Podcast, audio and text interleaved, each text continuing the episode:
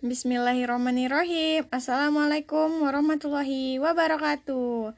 Ketemu lagi di podcast kesayangan kita Suara hati pelotos jiwa. Yeay.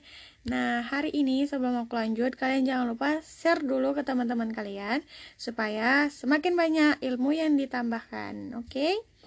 Nah hari ini aku nggak sendirian. Ya walaupun karantin di rumah aja tapi kita masih bisa menggunakan sosial media kita untuk nelpon seseorang yaitu siapa ya? Nah untuk nelpon DEK nah hari ini si DEK akan ceritain gimana proses dia ketika dia hijrah itu gimana. Apa aja rintangannya guys Nah, jadi aku langsung aja nelpon si Ade Eka. Bismillah.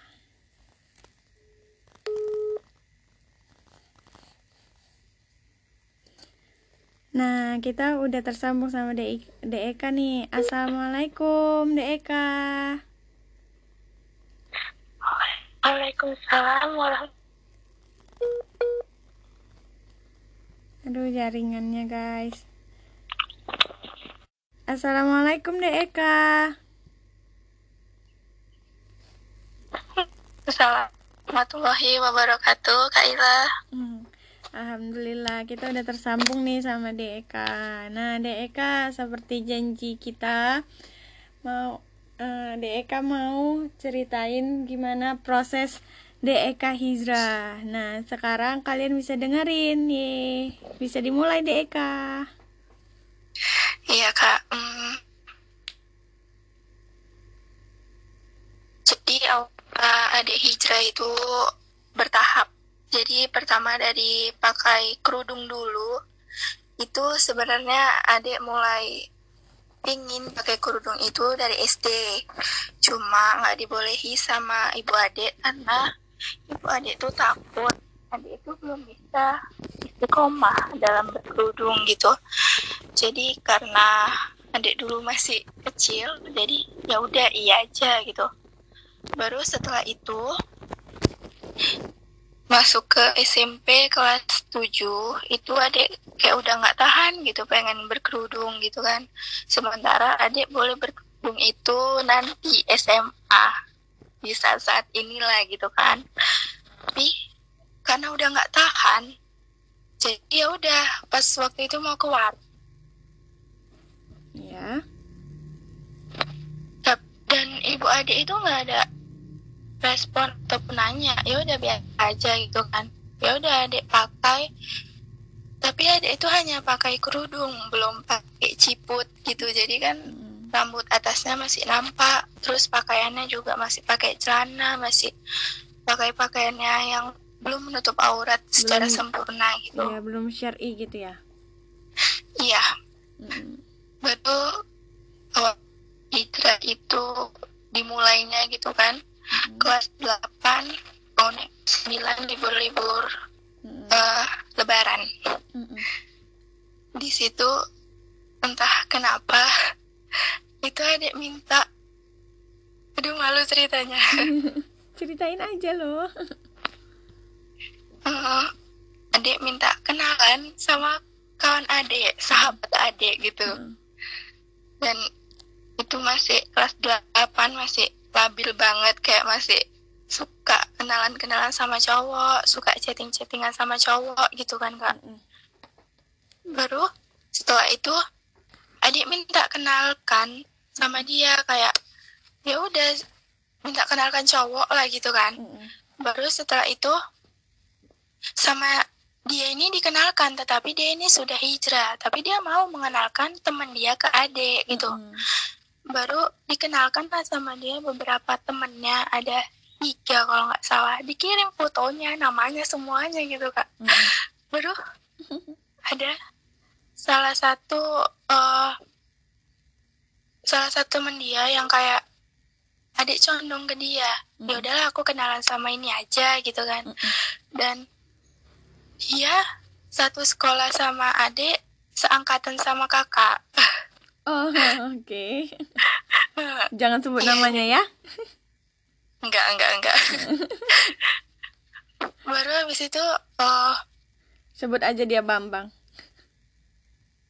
lah oh ya oke okay. baru baru setelah itu ya udah sama dia kayak dikasih nomor WA-nya kayak Mm. tukaran gitu lah kak Mm-mm. baru ya udah kami chatan dan kayak si abang itu mulai kembali si adik ini baru ya si adik ini mulai lah ya kan eh, kayak ngebaper sendiri gitu ya kan kena virus merah Baru. jambu ceritanya ya ya benar sekali baru setelah itu mulai deket mulai deket. Dan adik itu belum tahu kalau misalnya pacaran itu haram.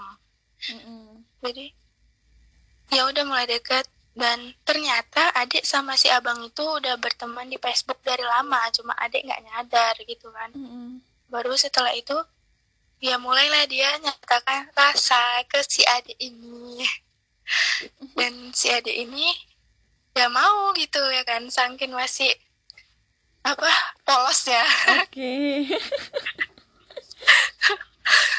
Jadi ya udah sama si adik ini diterima. Jadi ya udah. Dan si abang ini bisa dibilang kayak tahu lah kak soal agama. Mm-mm. kayak adik diceritai juga sama kawan adik kalau dia juga sering jadi muazin di masjid atau di musola. Mm-mm. hafalan surahnya juga lumayan gitu. Dan ya gitulah kak terus setelah itu eh setiap adik curhat Mm-mm. dia tuh udah kayak dewasa gitu nanggepinnya gitu Mm-mm. kan baru pada sampai suatu ketika adik itu pernah curhat sama dia kalau misalnya adik ini merasakan gundah di hati tapi bukan karena dia kalau karena dia kalau dia udah nelpon berarti kan hilang gitu kak. Rasa Mm-mm. gundah ini gelisah Mm-mm. gitu kan.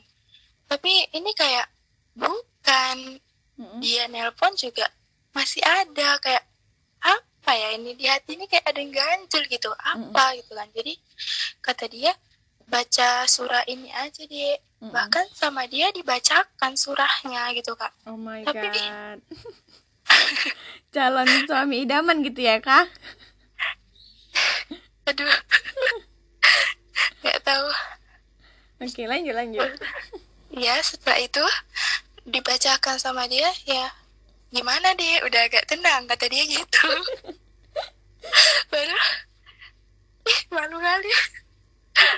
Baru setelah itu adik bilang udah lumayan tapi belum hilang gitu kan. Baru setelah itu bahkan dia pernah sempet kak Mm-mm.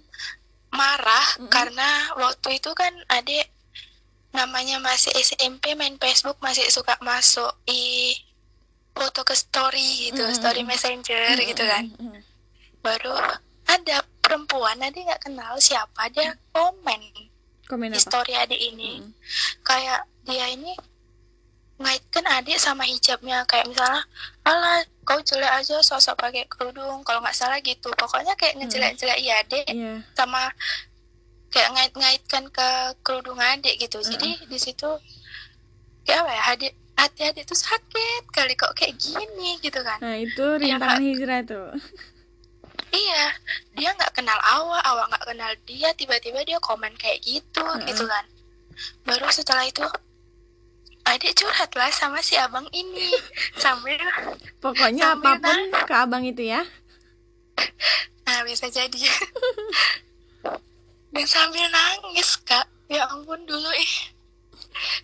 Sambil nangis jadi abang ini sampai marah. Bahkan dia sampai kayak ngomong kotor karena eh, adik curhat ke dia soal si perempuan ini. Mm-mm. dia sampai nanya siapa orangnya? gitu-gitu Mm-mm. ya kan? Ih, Waduh. dibelain.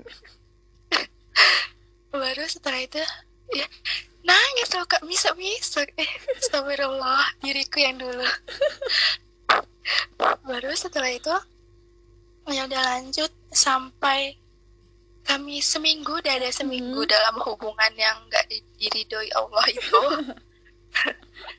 jadi sampai adik nggak tahu ya awal mulanya itu adik ini seingat adik adik sholat isya Mm-mm. baru kayak adik itu ngerasa kayak ada yang ganjel gitu eh, iya kayak salah ini gitu kan Mm-mm. baru adik tuh nyari tentang pacaran, pacaran ini ha Hmm. pacaran ini haram atau halal gitu Wih, kan halal kayak makanan aja ya. Lanjut. kak ben kak bentar dulu jeda dulu kak tuh Mm-mm. dari berbagai macam sumber kayak YouTube Mm-mm. mulai dicari Mm-mm. dan nggak ada dan Mm-mm. pacaran itu hal bahkan sampai ada juga subtitlenya gini. Siapa bilang pacaran itu haram halal kok?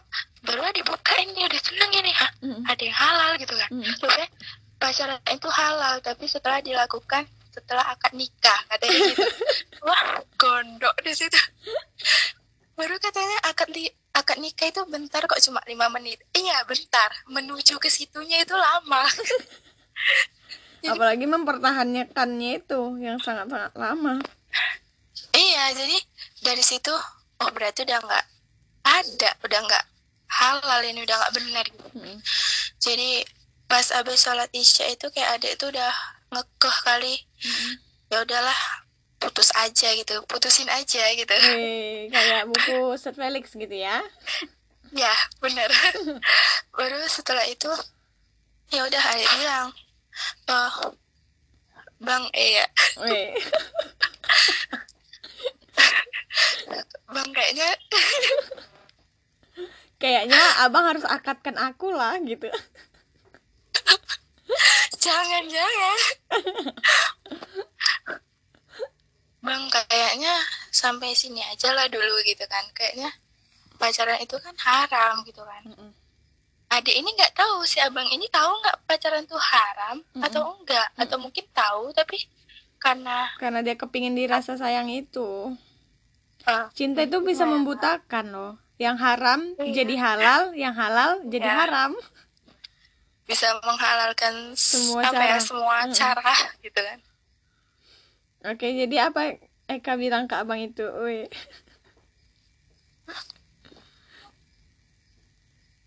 karena biasa aja baru setelah itu kak Mm-mm. eh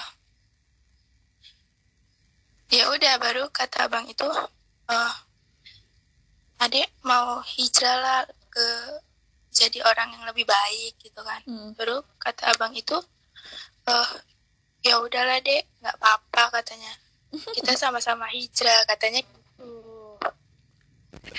Baru rupanya eh Mm-mm. dia katanya kalau misalnya kita udah putus gitu kan abang masih boleh kan nelpon adik katanya Wih, gitu. ya karena adik tuh dulu nggak tahu kalau misalnya cetan antara perempuan sama laki-laki itu kan holwat bisa jadi dosa. Iya. Jadi ya adik boleh boleh adik bilang gitulah jadi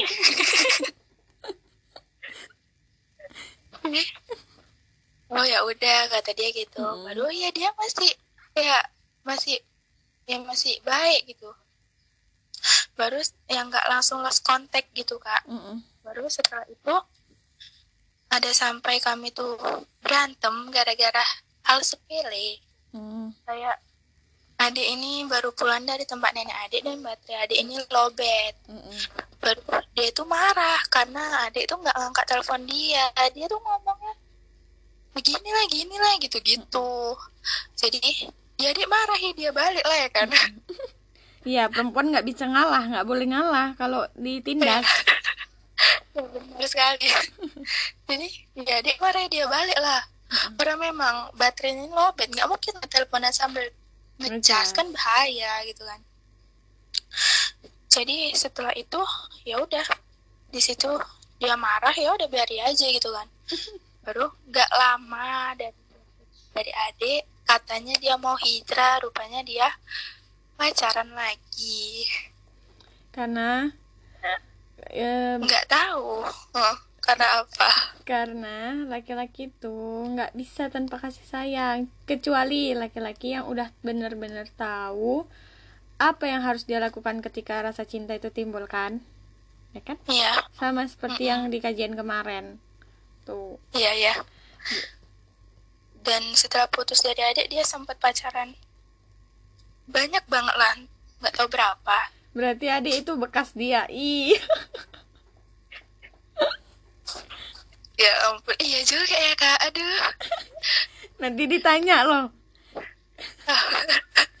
Ditanya apa? Ditanya sama mantan mantannya eh dirimu ini ya mantan si ini. Dasar kurang ajar kau pelakor. Pelakor pula jadi. Lanjut lanjut. Baru setelah itu. Ya udahlah jadi kan adik pas sama abang itu tuh adik nggak cinta kali sama dia gitu. oh oh nanti dilaporkan lah. Sebenarnya nggak cinta kali loh gitu. Masih kayak biasa-biasa aja gitu kan Heeh. ya namanya cinta pertama ya. Aduh itu kayaknya secret aja lah. Baru eh, jadi kalau pas setelah sama dia itu dia udah kayak kehilangan kali gitu kan? Dan pas nengok dia apa kalau dulu kan masih zaman zamannya tukaran foto sampul gitu loh kak. Ah, iya iya. Tapi ya saat, tapi kakak nggak pernah lah kakak cuman BBM gitu doang. Fotonya namanya tanggal jadian mungkin. Iya, iya, adik pun waktu sama dia, dia bilang, Bang, nggak mau lah tukaran PS, PS, PP, PP gitu, gitu kan. Baru kita manggilnya adik abang aja lah, jangan sayang-sayangan. Gila. boleh Gila, muntah nggak ini boleh muntah nggak Waduh, adik, adik gila gitu loh kak, kalau gitu. Entah kenapa. Habis itu Baru setelah itu, ya udah, ya kayak yang tahu itu sampai yang sahabat adik yang kenali adik ke dia itu gak tahu ya kalau kami itu ada hubungan. ber Itulah. pacaran gitu ya cuman Iya. taunya deketin doang gitu Iya, bahkan dia kaget, bahkan dia sempat marah, kenapa nggak bilang gitu kan? iya Baru, baru, dan ketika lanjut yang ke tadi ya kak, Mm-mm. dan ketika dia juga tukaran PS sama cewek lanjut adik dibilang cemburu enggak tapi lebih ke kaget gitu kan. Mm-mm. ya sedikit rasa cemburu pasti ada. Soalnya kan pernah bersama. Wih. aduh iya iya. Semuanya Ya kayak udah. gitu. Kalau udah jadi mantan eh, Mm-mm. pastinya kayak gitu ketika dia dapet yang terbaru. Pasti kayaknya rasanya ih kok gini kali ya? gitu kan. Ih mau marah tapi bukan siapa-siapa. Mau cemburu tapi bukan siapa-siapa. gitu kan. Udahlah nggak open aja gitu ya kan karena mau kita open nggak pun dia bukan punya kita lagi gitu ya kan Iya. memang selama ini pun bukan punya kita cuman itu Iya, titipan aja benar. sama kita tahan nggak kita atas dosa-dosanya gitu ya kan Iya, bener kali kak. Dan eh, dia sampai ganti nama dia di di apa kak di messenger kan itu bisa ganti nama kan. Iya Nah, orang yang hilang entah ke mana dia buat nama dia sendiri. Adik kaget, apa ini maksudnya gitu kan? Mm-mm. Baru dan waktu itu kan adik masih kelas mau naik kelas 9, dia kelas 11. Jadi jarak umurnya 2 tahun gitu kan, Kak. Jadi setelah itu ya udah udah lama nggak kontekan cuma saling lihat story WA, story Messenger. Kadang dia suka sih ngechat ngechat gitu kan. Mm. Jadi ya ketika dia ngechat tuh kayak langsung dek gitu loh udah lama suatu anugerah ngechat. gitu suatu anugerah yang tiba-tiba Allah datangkan gitu untuk menyembuhkan Ya dosa kembali gitu Ya ampun. Eh, iya kak bener banget. Jadi ya ya udah adek balasnya juga karena udah nggak ada rasa dan udah kayak ilfil gitu kak. Jadi kayak udah jadi balasnya ya jutek cuek gitu. Mm-mm. Jadi dan sampai ke dia pernah nanya juga mau masuk SMA mana kata dia gitu. Mm-mm. bukan urusanmu nggak bang mau. bilangnya sih gitu Ya adik bilang pokoknya dulu adik nggak mau masuk semansa gitu kan. nah itulah hajab kan masuk semansa kan Dan rupanya rezekinya di Semansa ya udahlah. Mau kayak mana lagi ya kan? Ketemu lah dia ya. Ketemu lagi gitu. Dan waktu kami masih sama pun kami belum pernah ketemu kak. Oh cuma my god. Iya cuma teleponan FC-an paling sering Mm. teleponan FC-an tuh jarang kali gitu kan. Mm-mm. lalu setelah itu ya udah. Udah la- nggak lama di situ ada masih sering chatan sama cowok gitu kan. Mm-mm. baru dan rupanya awal mula adik benar-benar hijrah itu ditemukan lah sama seseorang bisa dibilang agentnya Allah gitu kan. Hah, untuk dekatkan adik Cewek, itu cowok? ketemu. Cewek apa Cewek cowok? dong. oh oke. Mana tahu kembali lagi ke masa lalu. Itu nggak dekatkan diri ke Allah kak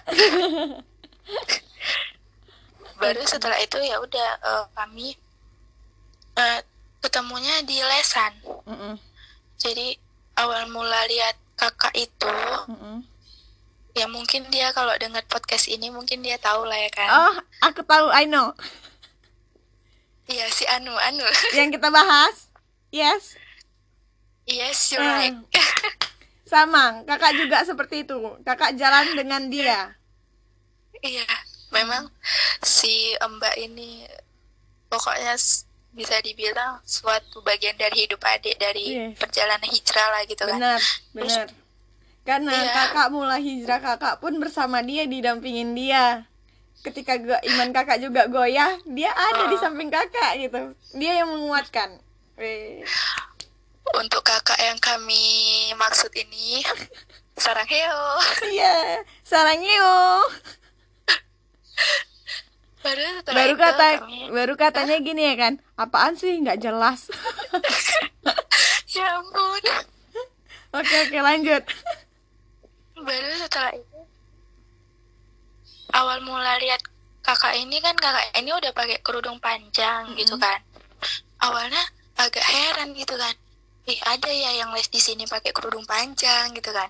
Kayak ada heran-heran gitu.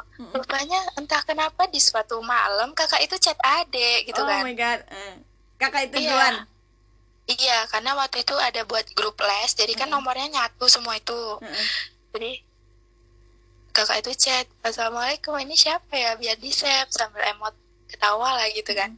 Baru oh iya kak ini adik sebutin lah nama adik gitu kan. Baru adik ini tiba-tiba nanya Mm. kak boleh tahu nggak awal mula kakak hijrah itu gimana? Dari situlah awalnya.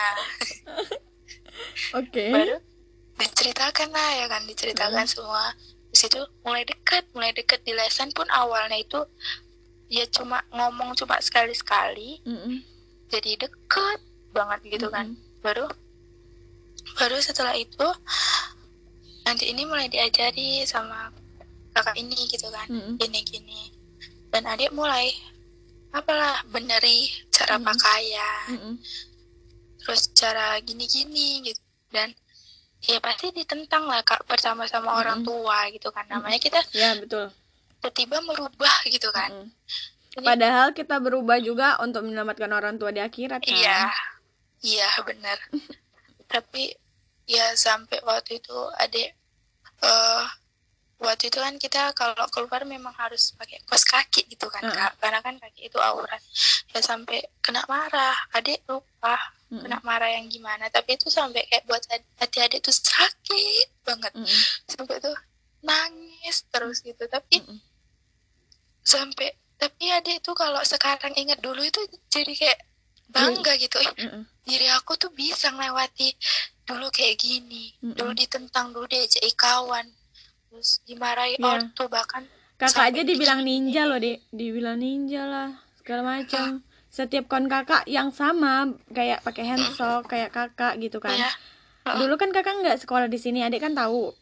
iya Nah, itu kayak eh, kawan kakak yang pakai handsok atau jilbabnya panjang, itu pasti dibilang, "Ih, Iya. kayak adiknya si dia gitu." Sedih kan? Hah? Dari Iya, situ iya. kakak kayak, "Eh, kok kayak gini kali ya?" gitu kan. Dan di situ, Dek, kakak mulai berpikir bahwasannya, "Oh, inilah rintangan yang pertama." Kakak gitu. Inilah rintangan yang pertama ketika aku hijrah karena yang kakak tahu hijrah itu nggak segampang yang kita ucapin gitu, nggak segampang yang bisa kita diktekan gitu loh. Karena kakak rasa hijrah itu gini loh Allah nyoba kita tak sanggup nggak kalau sanggup nanti bakalan dikasih lagi cobaan yang lebih uh, kuat supaya iman kita kuat. Tapi kalau kita goyah di tengah jalan astaga itu udah nggak tahu lagi kan kayak mana. Iya. Iya juga namanya kita mau dapatkan surga ya kan? iya. Bertarung demi surga. Oh iya.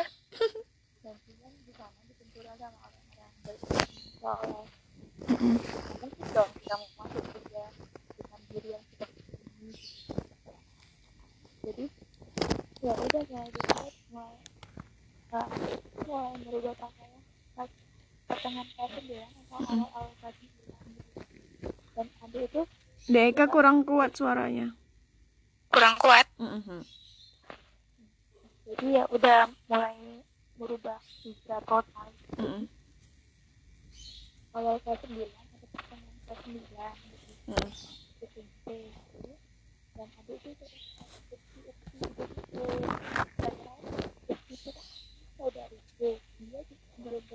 Deka kurang kuat suaranya nggak dengar sayangku.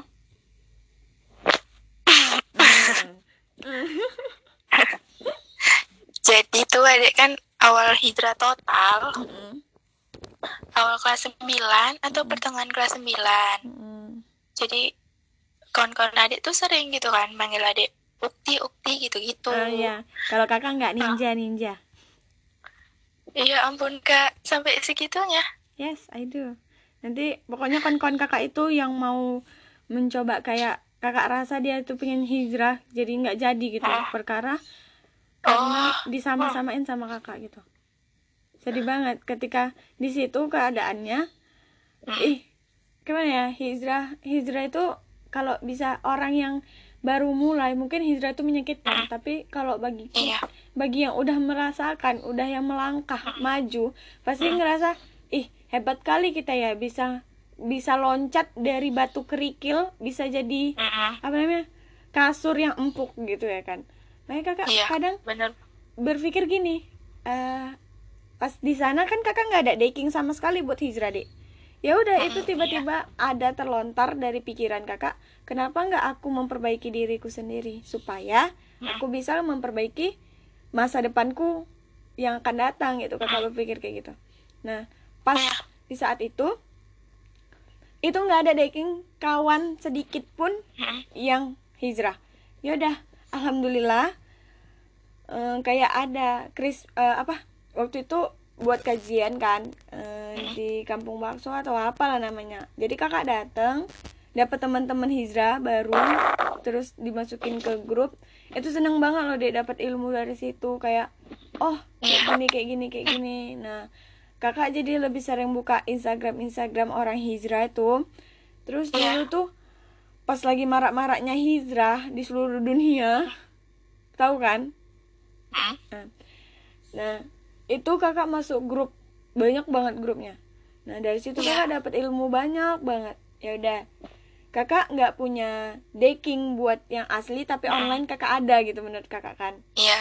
Nah ketika itu kakak itu mulai sabar aja. Setiap orang yang ngejekin kakak, itu kakak sabar aja kayak ya udahlah ini rintangan. Semua itu kakak pikir kayak gitu.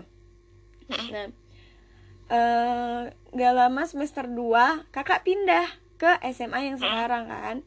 Alhamdulillahnya kesabaran kakak terbayar atas datangnya Iya, si alhamdulillah. mbak ini, kakak ini gitu ya kan.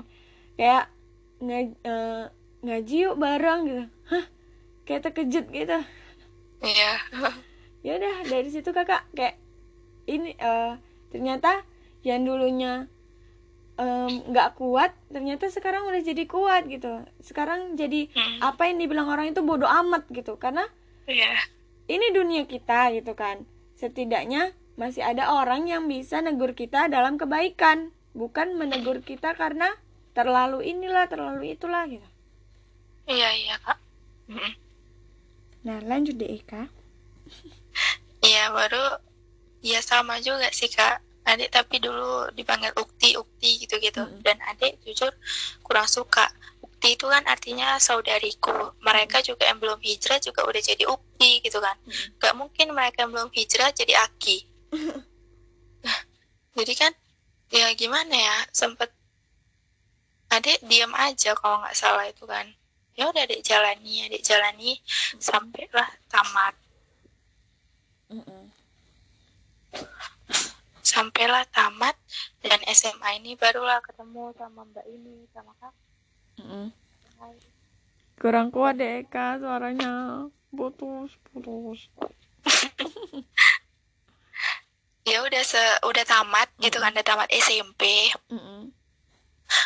masuklah di SMA mulailah jumpa-jumpa kakak-kakak yang udah hijrah duluan jadi kayak ngebooster juga gitu kan walaupun di kelas 10 ini di kelas cuma adik Mm-mm.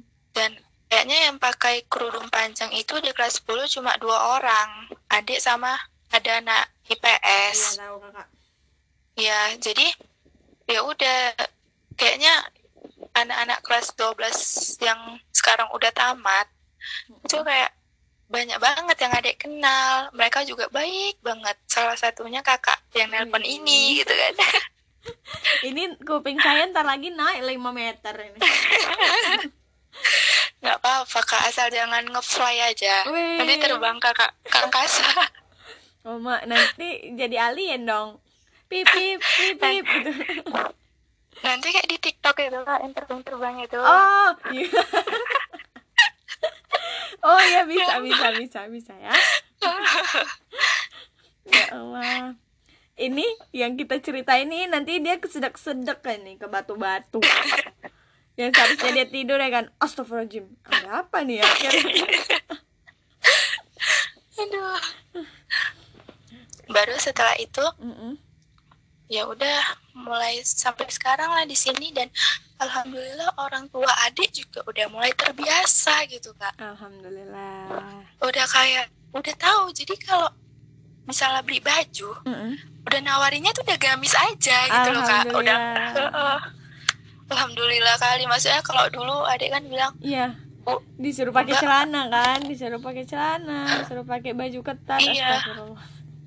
pokoknya orang tua kita itu rela ngeluarin uang yang mahal demi baju yang cantik-cantik yang ketat-ketat iya buat kita gitu kan sedangkan gamis yang cuma harga ratusan ribu kadang pun ada yang lima Iya. puluh ribuan iya heeh.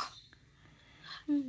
dulu pun eh, adik sempat bilang bu mbak nggak mau lah pakai baju-baju ketat lagi mbak mau apa kalau beli belikan baju gamis aja gitu. Mm-mm.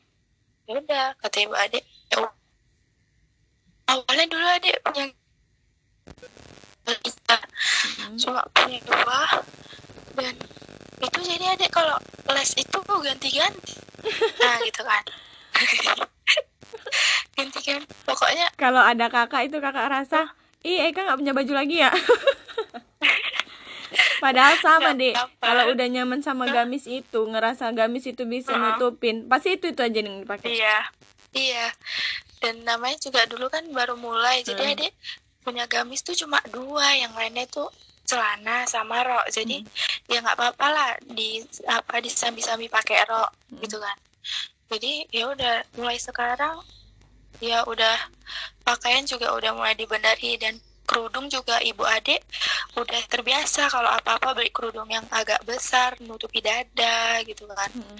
pokoknya memang terbayarkan lah kak yang dulu ibu adik gini jadi gini gitu loh. Karena Ya gini itu karena menurut baik. ibu itu eh, Eka udah bisa gitu. Maksudnya Eka udah bisa mengendalikan diri Eka gitu kan. Terus pun di sini mungkin ibu Eka udah tahu oh anak aku berbuat seperti ini untuk melindungi aku nanti gitu kan.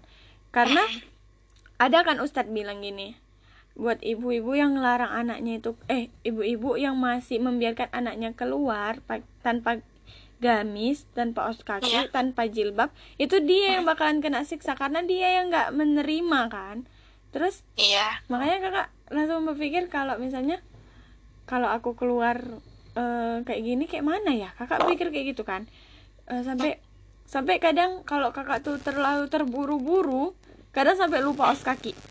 Tapi alhamdulillah kayak baju gamis kakak tuh atau rok kakak panjang gitu kan. Walaupun kalau kita bilang itu kan udah nampak auratnya gitu kan.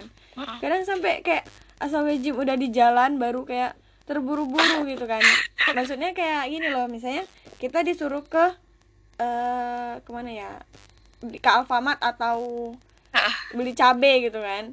Nah di situ tuh langsung kayak kalau misalnya kita bilang iya mah bentar. Cepet nak. Gini gini gini gini. Takut Iya, iya, orang iya, tua bener, marah nimbul dosa lagi. Iya. ya udah ujung-ujungnya kakak langsung lari aja gitu loh. Maksudnya eh, pakai kadang kan eh, apa namanya kakak di rumah pakai gamis gitu kan. Kalau disuruh-suruh biar enak langsung pergi kan.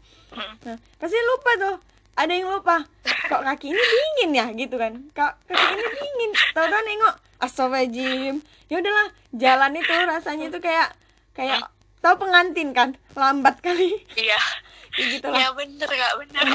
biar nggak biar tertutup rapat gitu ya kan? Walaupun kita masih sering lalai gitu. Iya. kadang ih Ya. apaan sih ini? Kok sampai lupa gitu ya? Kalau kalau ada gitu kan os kaki langsung ditempelkan ke kaki gitu ya kan? Biar langsung nyatu udah tempel Kalau nggak kantongnya jadi kami terus kakinya. iya juga ya kan pas di jalan berhenti dulu kaki ya. Kalau adik sih memang gitu kak, sempet juga kayak gitu. Tapi dan adik juga pernah waktu dulu suruh ngangkat jemuran, Mm-mm. oh pas malam-malam juga itu mm-mm. kayak ngangkat jemuran udah di depan rumah gitu kan. Eh jadi adik itu kan nah, ibu adik itu udah ngajak Mm-mm. kalau pakai gamis lagi nanti jadi marah jadi nanti disalah-salahi pula Mm-mm. gitu kan. Jadi ya udah alhasil adek keluar tambah pakai kerudung kak tambah pakai gamis. Tapi memang kondisinya itu lengah tapi kan kita udah keluar rumah gitu. Mm-mm. dan itu tuh rasanya kak udah kayak nyesel kali. Adik nggak eh, maksudnya nih kayak gitu deh itu malam kan? Nah kakak karena cuman kakak lah yang bisa diandalin. Karena kan kakaknya kakak capek kerja gitu kan. Jadi kayak dia angkatin dulu ini jemurannya. Iya ma bentar. Jangan lama. Mau hujan itu. Nanti kepanasan kedinginan segala macam lah. Yaudah deh alhasil tahu apa? Anduk yang ada di mana pun tergeletak itu kakak pakaikan ke kepala kakak. Terus ah sampai kakak ditangoin orang kepalanya muter tau bayangin. Kakak kayak astagfirullahaladzim kakak langsung jongkok. Untung dinding rumah itu kan kalau kita jongkok langsung tertutup gitu kan. Iya. sampai jongkok sampai kayak orang ketawa sendiri nengok kakak. Bapak kakak aja mungkin kalau ngelihat ketawa abis adik ya Allah kayak terus ada orang nongkrong kan di depan-depan rumah gitu. Itu di situ kakak kadang pernah. Terus ini apa namanya tahu eh, kan kakak kira ayah kakak pulang. Ya ternyata itu orang lain kakak udah seneng banget sampai depan pintu. Kakak cuman bisa ngelongok lari. Larinya itu jongkok bayangin coba.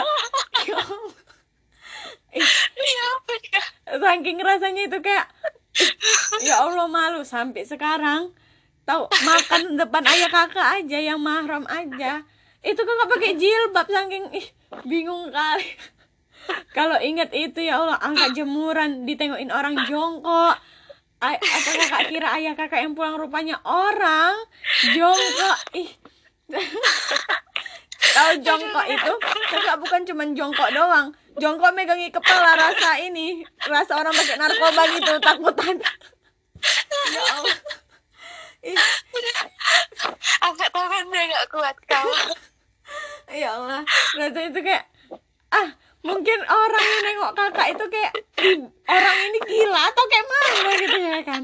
Ya saking udah bingung ya kakak cuman bisa ngambil anduk. Kalau enggak kalau udah betul-betul kakak kira ayah kakak tahu-tahu bukan udah cuman bisa nutupi kepala doang. Padahal belakang itu masih nampak rambut gitu ya kan? Astagfirullahaladzim.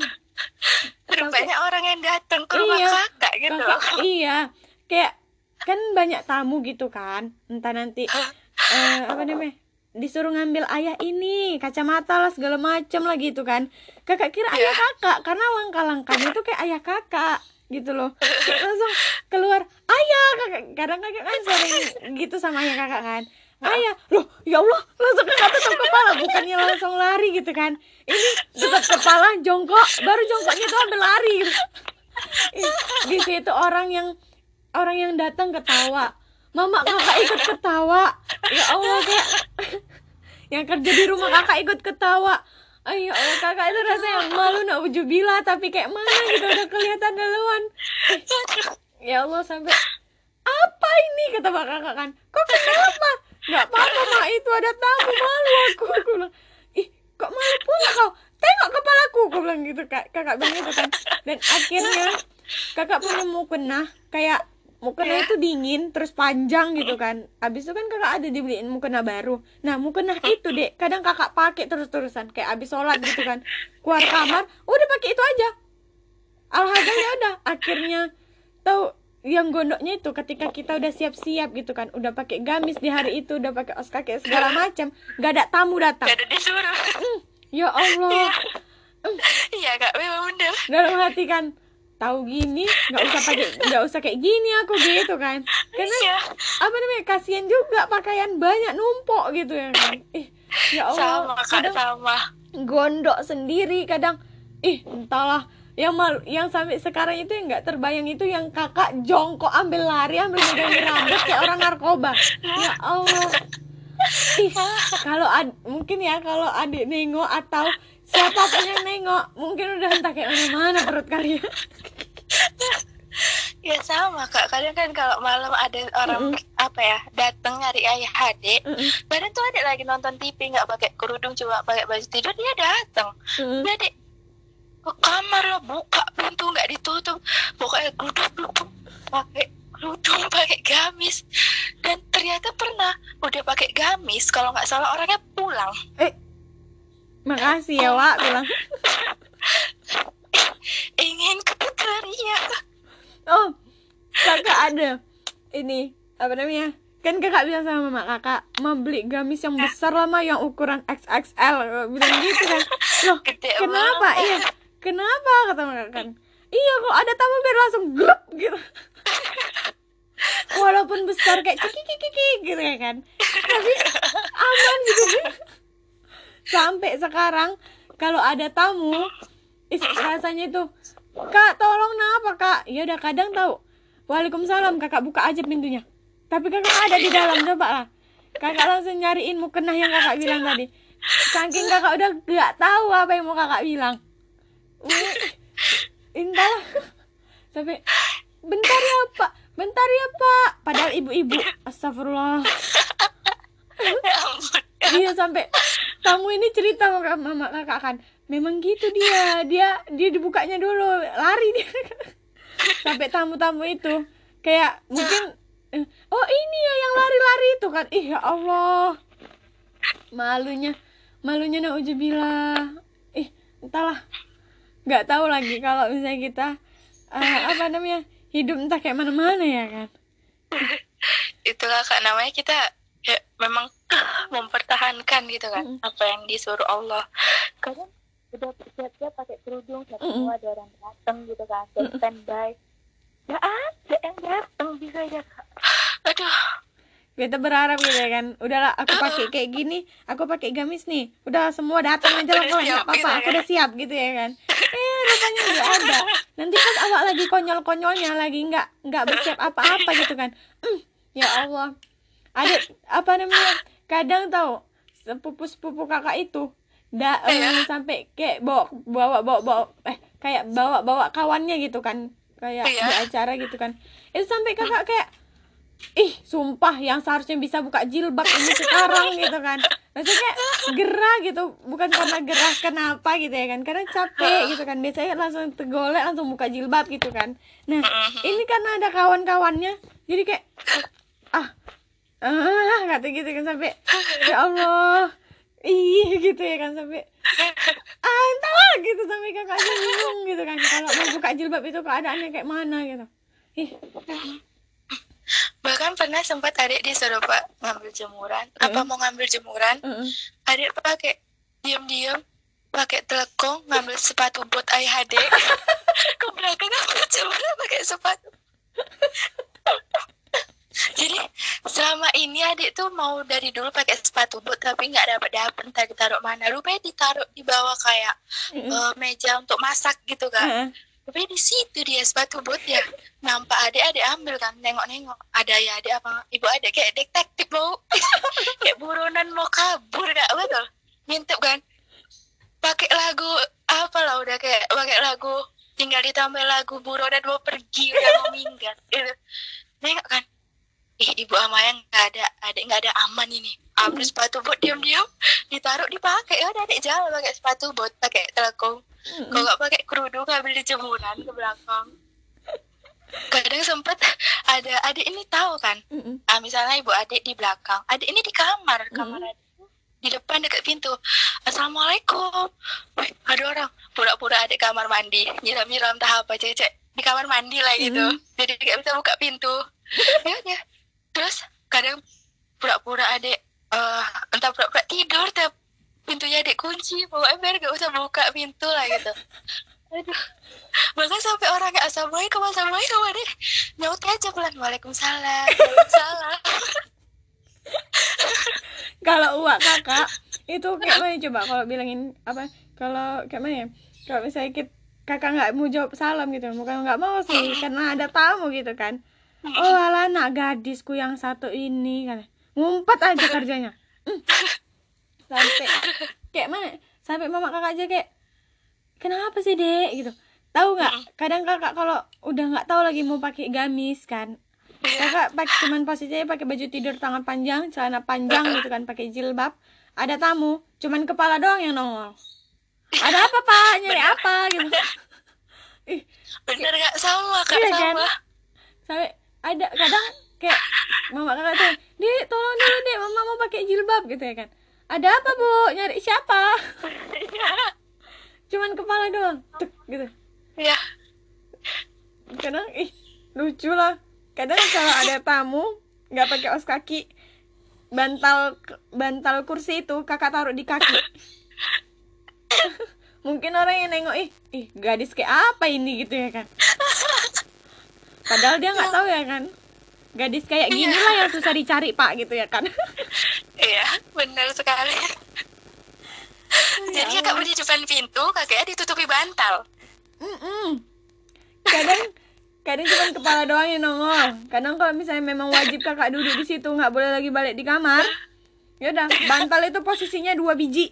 Satu di kaki satu di paha.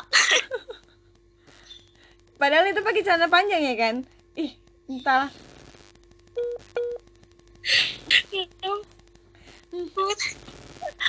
kadang kalau kita apa namanya ada berusaha juga gitu. Eh, telah pokoknya dulu karena dulu itu posisinya kan pastinya ada tamu buka langsung gitu kan. Ada apa pak gitu kan? Mau nyari apa? Nggak ada sini Iya. sini pulang pulang pulang gitu kan. Iya. Sekarang nggak tunggu pakai baju dulu baru bisa keluar. iya kak kadang ya ada dukanya ada sedihnya Mm. eh Ada ada dukanya ada senangnya Ada senangnya, ada ketawa-tawanya, ada gilanya. kakak pun aja juga Kadang orang yang gini loh, eh, orang yang merasa kayak hijrah itu yang pakaian gamis itu menyusahkan, padahal itu mengenakkan gitu kan. Me- apa? iya kayak menahan syahwatnya si laki-laki nih yang pingin megang Iya. jadi nggak jadi gitu ya. Iya kan? Terus kayak- benar-benar kak. kayak mau nengok jadi nggak jadi nengok gitu. Kan sebenarnya Iya, heeh. sebenarnya laki-laki tuh nggak salah yang salah itu perempuan. Kenapa? Karena kita yang ngemarin aurat kita gitu kan. Laki-laki Iya. apa yang mau ditengok auratnya? Dari pusat sampai bawah dengkul. Apa yang mau ditengok? Perempuan pun nggak selera gitu ya kan. Laki-laki ini selera kali nengok tangannya wanita aja udah selera tengok Iya. bibirnya wanita aja udah selera. Heeh. ya kan? Sebenarnya yang salah itu bukan laki-laki yang salah itu perempuan gitu loh. Semua perempuan paling nyalakan laki-laki yang matanya itu keranjang segala macam sebenarnya laki-laki itu nggak salah yang salah itu perempuan. Kenapa kita yang nampakin aurat? Ya kan? Karena kan kita tahu bahwa kalau memang laki-laki kan nafsunya tuh tinggi, tinggi. Heeh. sebenarnya kita nafsu wanita perempuan- itu tinggi juga cak namun wanita itu tahu cara menahan si nafsunya ini gitu Mm-mm. Coba laki-laki. Pantang tengok, pantang terletak, senggol. Ya kan? Al- iya kan pastinya. Nah, punya pacar tengok. Sejak kapan pacaran itu nggak pegangan tangan? Ya kan? iya Punya dia punya aku kok. Ya udah tangannya berarti punya aku, matanya punya aku, Iya. hidungnya punya aku, HP-nya pun punya aku. Ya kan? Sampai-sampai aja. Pokoknya kalau udah pacaran semua mu- milikku. Kau milikku badanku badanmu milikku gitu ya kan? Ih. Karena lucu gitu. Iya. Yang disalahkan dia lah ya kan? Heeh.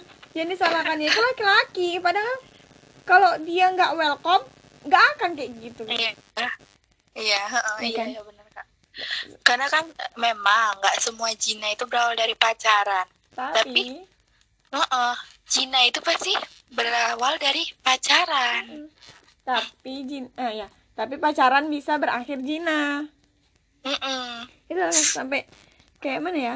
Eh, tahu nggak? Sampai ada orang yang nanya Hmm? kalau misalnya pacaran balikan sama mantan kakak punya mantan dek dan Hmm? kakak pernah ngelakuin yang kayak pegangan tangan gitu. Kayak jalan itu harus gandengan Iya, gitu. juga samping-sampingan pegang-pegangan segala macam sampai ditanya sama orang mau nggak balikan sama mantan yang udah eh, ngerusak bagian tubuhmu? Maksudnya kan ngerusak bagian tubuh itu kayak tangan udah disentuh gitu kan. Iya. sebelum suami kakak nyentuh dia udah ngerasain duluan tangan kakak ini gitu Iya. ya kan. Sampai kakak Iya. pikir "Eh, mau nggak balikan lagi sama si dia? Kan dia udah pernah nyentuh kau gitu kan. Eh, kakak bingung. Kalau balikan sama aja aku nambah dosa. Cuman kalau nggak balikan bekas tangan dia ini ada di tanganku gitu ya kan. Jadi dia akhirnya kakak cuma memutuskan untuk diam. Dan kakak pernah lagi berpikir bahwasannya kalau udah disentuh dia berarti kita harus nikah sama dia. Coba bayangin kakak pernah mikir itu. Ih, sampai kakak minta tolong gimana caranya biar dia bisa nikahin kakak? Saking kakak takutnya. Baru respon dia tapi kan nggak bilang ke dia adik oh.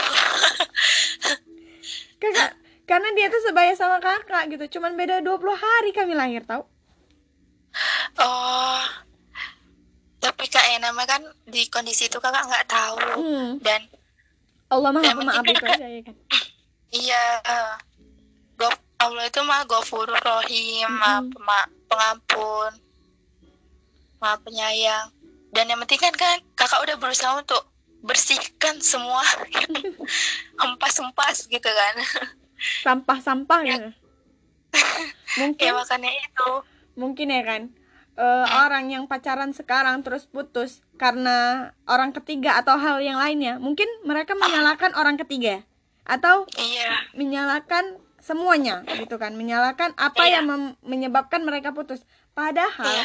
di sisi positifnya. Allah itu udah nyabut biar kita tuh nggak nggak lama-lama di posisi kesalahan gitu ya kan. Nggak Kak, lama-lama kita di posisi jatuh cinta yang salah gitu.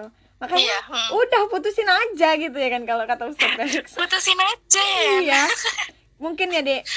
Kalau sekarang mungkin ya eh, kalau misalnya dulu nggak ada sih orang ketiga ini mungkin kakak udah dulu kakak udah ya mm, bertahan untuk pacaran dek oh kakak putus karena dia karena orang ketiga. Ya betul. Kayak syukur gitu. Awalnya sih kayak ya udah. kayak gara-gara kau ya gitu ya kan. Aku putus sama doi. Kau nggak tahu udah berapa tahun aku sama doi gitu ya kan. Oh, dasar lo pelakor kok ini penjilat kok segala macam gitu sampai kayak gitu ya kan. Pelakor pelakor kapan nikahnya? Eh, makanya. Kakak itu ih, bilangnya tuh pelakor.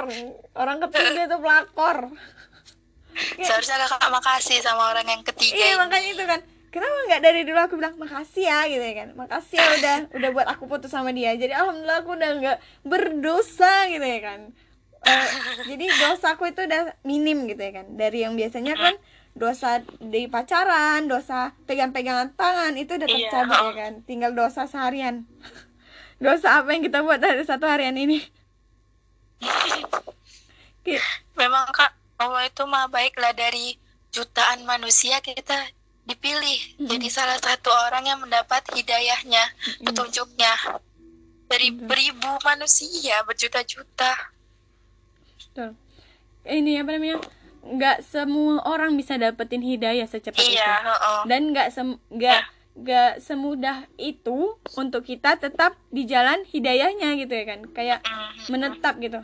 Karena kakak pun ada naik turunnya kok, Dek. Kayak karena kebawa situasi, misalnya kayak terbawa temen yang awalnya temen itu kayak kayak nggak pakai gamis atau kayak yang biasa aja gitu ya kan.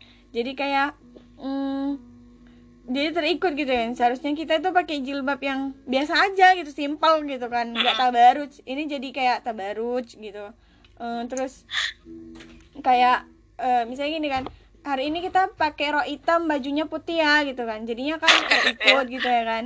Terus kayak eh, karena nggak enak sama kawan gitu kan. Ya udah jadi kayak apa ya gitu kan. Kayak ih kau sementang gini gini gini jadi gini gini gini ya. Kakak tuh orang yang paling takut itu deh karena gini loh kakak walaupun kayak gini keadaannya kakak tetap mau have fun gitu loh kan. Syari tapi have fun gitu Eh have funnya itu nggak terlalu kayak mana ya nggak nggak terlalu have fun tapi kakak juga tahu batasan gitu. Sampai mau tetap berkumpul sama kawan-kawan kakak yang Iya. dulu lah gitu kan. Iya tapi kayak banyak yang salah tanggap gitu kan Ka- kalau misalnya udahlah nggak usah gini gini gitu kan. Cuman kita pingin Allah itu cepet-cepet jemput hidayah untuk dia gitu kan gini loh yang jemput hidayah itu kita sendiri bukan tiba-tiba datang gitu. Jadi jangan berharap kalau hidayah itu bakalan datang. Nah kalau hidayah itu datang dengan keadaan caranya baik itu nggak masalah. Kalau caranya buruk nah gimana? Ya kan? Kayak misalnya kita terluka kecelakaan baru dapat hidayah. Seharusnya misalnya gini loh seharusnya aku tadi nggak usah ikut balapan gitu ya kan? Kalau jadinya kan karena aku ikut balapan nih aku jatuh kakiku eh, patah gitu ya kan.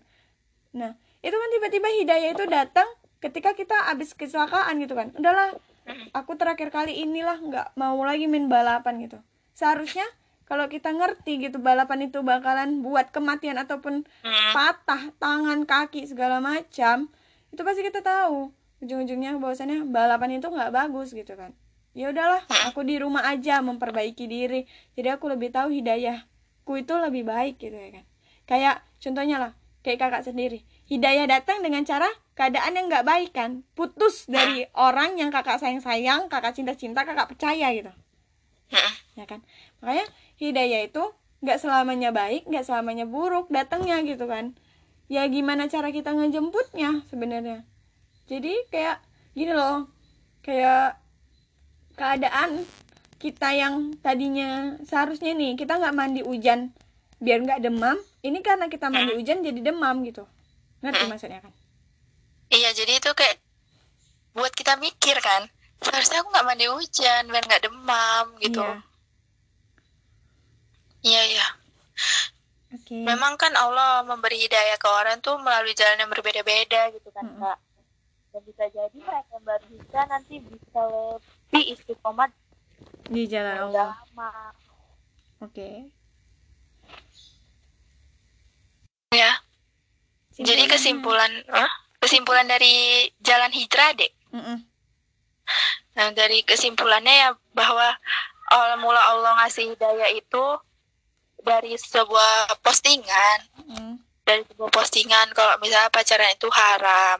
Mm-mm. Dari situ dari jadi adik tuh bertahap dari mulai menutup rambut dulu, Mm. baru setelah itu dijauhkan dulu dari Allah dari hubungan yang nggak baik yaitu pacaran, Mm. baru lanjut didatangkanlah si agent tadi oke untuk ngebimbing adik ke jalan yang benar benar benar benar gitu. Oke. Jadi Ya, kita sangat-sangat membutuhkan banyak terima kasih untuk si agent itu ya. iya. Karena dia udah sabar gitu kan. Dia- Soalnya dia tetap mau juga. ini ngedukung kita. Iya, soalnya nggak sedikit juga adik nangis sama si kakak ini cerita-cerita nangis dan kakak ini sabar gitu, masih eh, motivasi gitu. Dan juga jangan lupa terima kasih juga sama Allah karena beri dari beribu makhluk di dunia ini kita dipilih salah satunya untuk mendapatkan hidayahnya. Alhamdulillah. Nah, guys, jadi Alhamdulillahirobbilalamin. eh, itu dari hijrahnya Eka. Jadi buat kalian semua jangan berkeluh hati ketika kalian belum dapat hidayah karena hidayah itu bisa kalian jemput dengan sendirinya. Pelan-pelan pasti kalian bakalan dapat hidayah yang sangat-sangat mengenakan dan memuaskan diri kita. Biar kita tetap di dalam lindungan Allah Subhanahu wa taala. Jadi, sekian dari podcast kesayangan kita Suara Hati Peletus Jiwa. Semoga yang dengerin dapat pahala dan jangan lupa di share juga ke teman-teman kalian biar berbagi ilmu itu indah. Assalamualaikum warahmatullahi wabarakatuh